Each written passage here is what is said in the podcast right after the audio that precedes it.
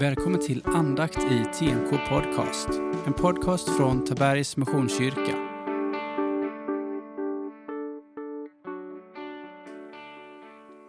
Jag heter Daniel Lundstedt och är en av församlingens pastorer. Välkommen till våra andakter. Vi fortsätter vår läsning från Johannes evangeliet. Vi är vid Johannes kapitel 10, vers 1 till 21. Lyssna. Sannerligen jag säger er, den som inte går in i fårfållan genom grinden utan klättrar in på ett annat ställe, han är en tjuv och en rövare. Men den som går in genom grinden är fårens herde. För honom öppnar grindvakten och fåren hör hans röst och han ropar på sina får med deras namn och för ut dem. När han har släppt ut sina får går han före dem och fåren följer honom därför att de känner igen hans röst. Men en främling följer de inte utan springer ifrån honom därför att de inte känner igen främmande röster. Denna bild använde Jesus när han talade till dem, men de förstod inte vad han menade.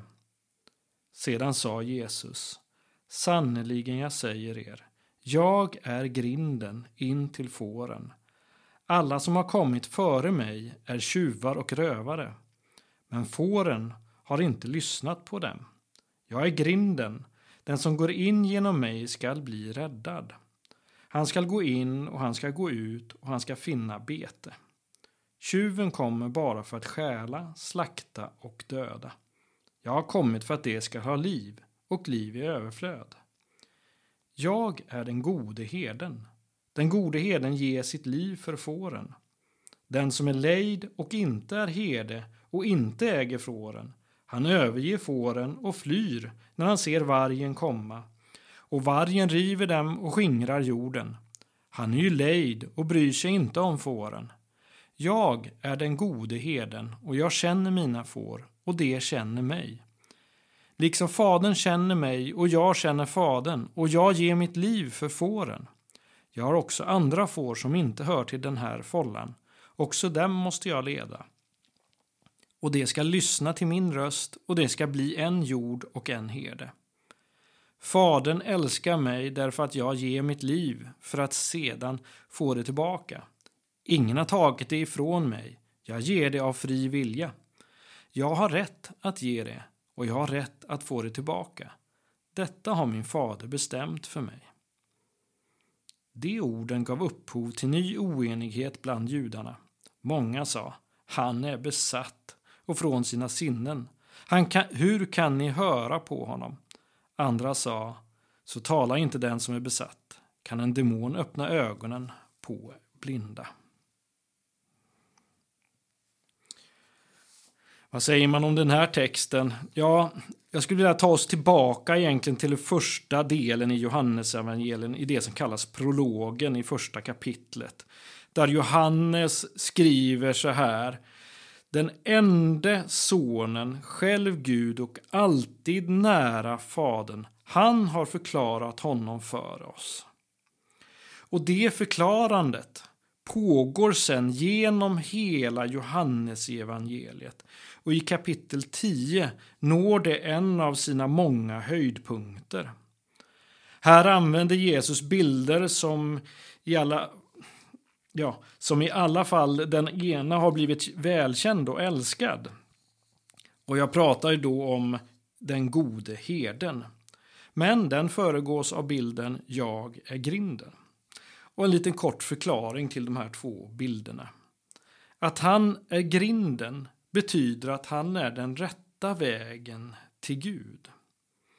Det är där man behöver gå för att finna Gud helt enkelt.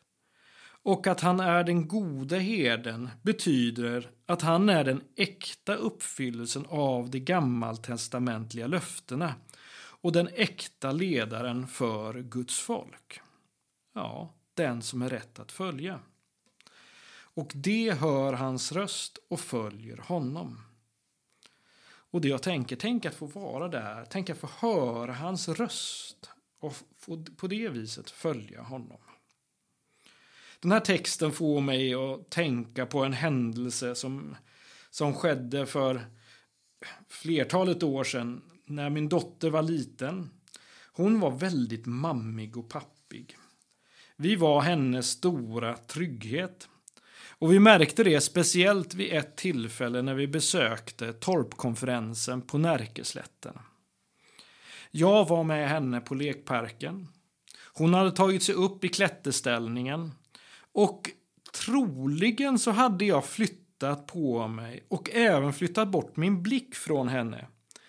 Eftersom hon ett litet tag efter detta att hon har gått upp i ställningen utstöter ett desperat skrik, ja, eller rop efter mig. Pappa! Jag reagerar direkt och flyttar mig närmare henne, tar min blick och tittar på henne och säger Här är jag. Hon börjar då lugna ner sig och jag inser att jag genom att förflytta mig och ta bort blicken från henne skapat otrygghet hos henne. Men att så fort när jag vänder mig tillbaka till henne så kommer hennes trygghet tillbaka. Och jag tänker då min relation med Gud. Tänk om jag kunde få ha min relation till Gud på samma sätt som min dotter hade till mig. Tänk om jag kunde få ha en sån känslighet för Guds närvaro som min dotter hade för min närvaro. Att när jag upplevde att Gud var för långt borta, att jag då började ropa efter Gud. Gud, var är du? Tänk om jag kunde göra så. Min längtan är och min bön är att jag ska ha en sån relation. Och min längtan är att du också ska få ha en sån relation till Gud. Att när du märker eller upplever att nu känner jag inte av Gud i min närhet. Att du önskar att Gud ska vara nära. Att du då ropar som min dotter. Gud, var är du? Och att du får uppleva då att Gud vänder sin blick till dig och säger Här är jag. Vi ber. Gud, jag ber att jag hela tiden ska ha dig i min blick. Dag och natt. Ta emot Herrens välsignelse. Herren välsigne dig och bevare dig. Herren låter sitt ansikte lysa över dig och vare dig nådig. Herren vänder sitt ansikte till dig och ger dig av sin frid. I Faderns och Sonens och den helige Andes namn. Amen. Och idag vill jag ge dig en uppmaning. Sök Guds ansikte.